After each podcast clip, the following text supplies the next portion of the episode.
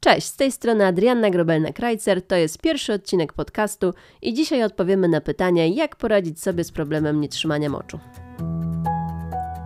Pelwismed. Zadbaj o swoje zdrowie intymne na każdym etapie życia.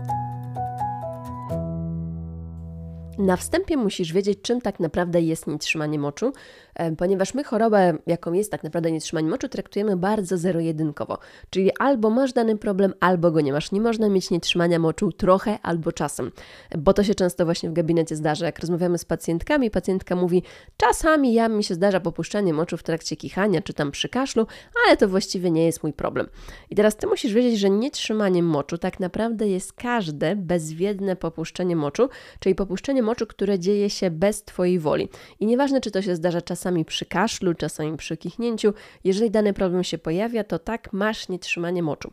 E, I tutaj też zauważ, że nietrzymanie moczu wcale nie jest tak rzadką chorobą, nie jest tak rzadką dolegliwością, ponieważ na popuszczanie nietrzymanie moczu cierpi aktualnie w Polsce ponad 35% kobiet. Czyli jakbyś tak spojrzała na swoje grono koleżanek, znajomych czy może rodziny, e, mogłybyśmy powiedzieć, że co trzecia kobieta będzie miała popuszczanie moczu. My nietrzymanie moczu dzielimy sobie tak naprawdę na trzy rodzaje. Pierwsze, najczęstsze to jest wysiłkowe nietrzymanie moczu i dzisiaj się na nim troszeczkę więcej skupimy. Drugi rodzaj to naglące nietrzymanie moczu, a trzecie to mieszane. I mieszane nietrzymanie to jest taki miks wysiłkowego i naglącego. Obiecuję Wam, że o naglącym i mieszanym kiedyś sobie jeszcze troszeczkę porozmawiamy. Jeżeli chodzi o wysiłkowe nietrzymanie moczu, to tutaj winowajcą y, mogą być mięśnie na miednicy. Mięśnie na miednicy, czyli ten lej mięśniowy, który utrzymuje Twoje narządy i który również będzie odpowiadał za kontynencję, czyli za utrzymanie moczu. Warto myślę zaznaczyć, że nie zawsze problemem będzie za słabe dno miednicy. Czasami nietrzymanie moczu może również brać się ze zanadto napiętego na miednicy. Problemem mogą być także więzadła łonowo-cewkowe, e, ale także stan śluzówki wewnątrz cewki moczowej. Jeżeli chodzi o wysiłkowe nietrzymanie moczu, my je sobie dzielimy na trzy stopnie. Pierwszy stopień, mm, czyli takie popuszczanie moczu, które możesz zaobserwować w trakcie kaszlu, kichnięcia, na przykład wymiotów, gdy ktoś cię przestraszy i nagle gdzieś ci się zdarzy popuszczenie moczu, to jest takie najsłabsze, jeżeli chodzi o intensywność nietrzymanie moczu. Drugi stopień to już jest popuszczanie w trakcie aktywności fizycznej, czyli na przykład w trakcie biegania, skakania, jakieś trampoliny, tańce na weselu, podskoki. No i mamy do czynienia także z trzecim stopniem nietrzymania moczu.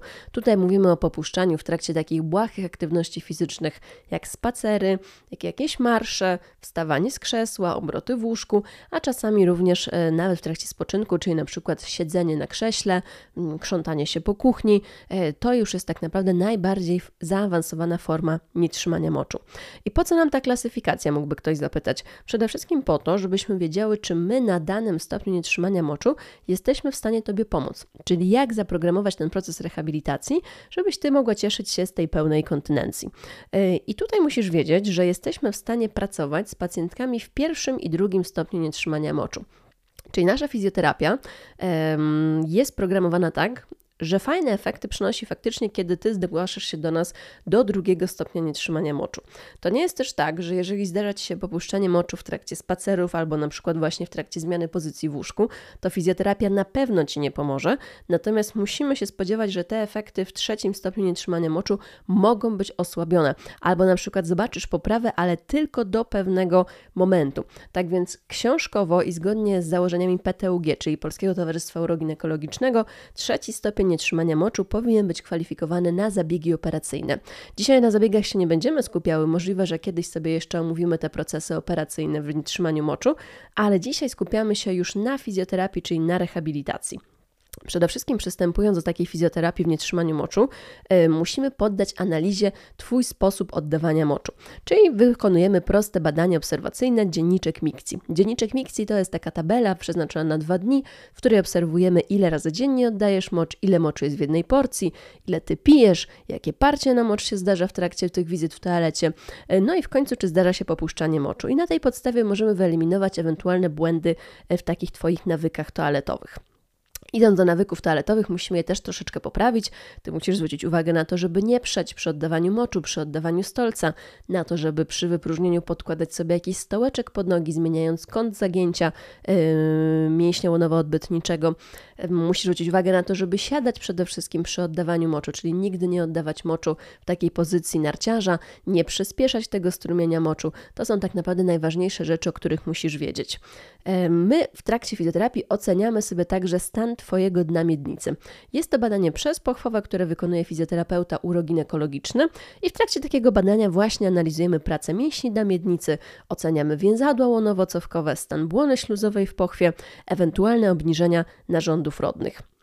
E, musisz też posiadać umiejętność aktywizacji, czyli napinania, ale także rozluźniania swoich mięśni na miednicy. W trakcie badania sprawdzamy, jak te mięśnie pracują, a następnie podczas wizyty uczymy Cię napinania, rozluźniania mięśni i zadajemy takie pierwsze zadanie domowe w formie treningu.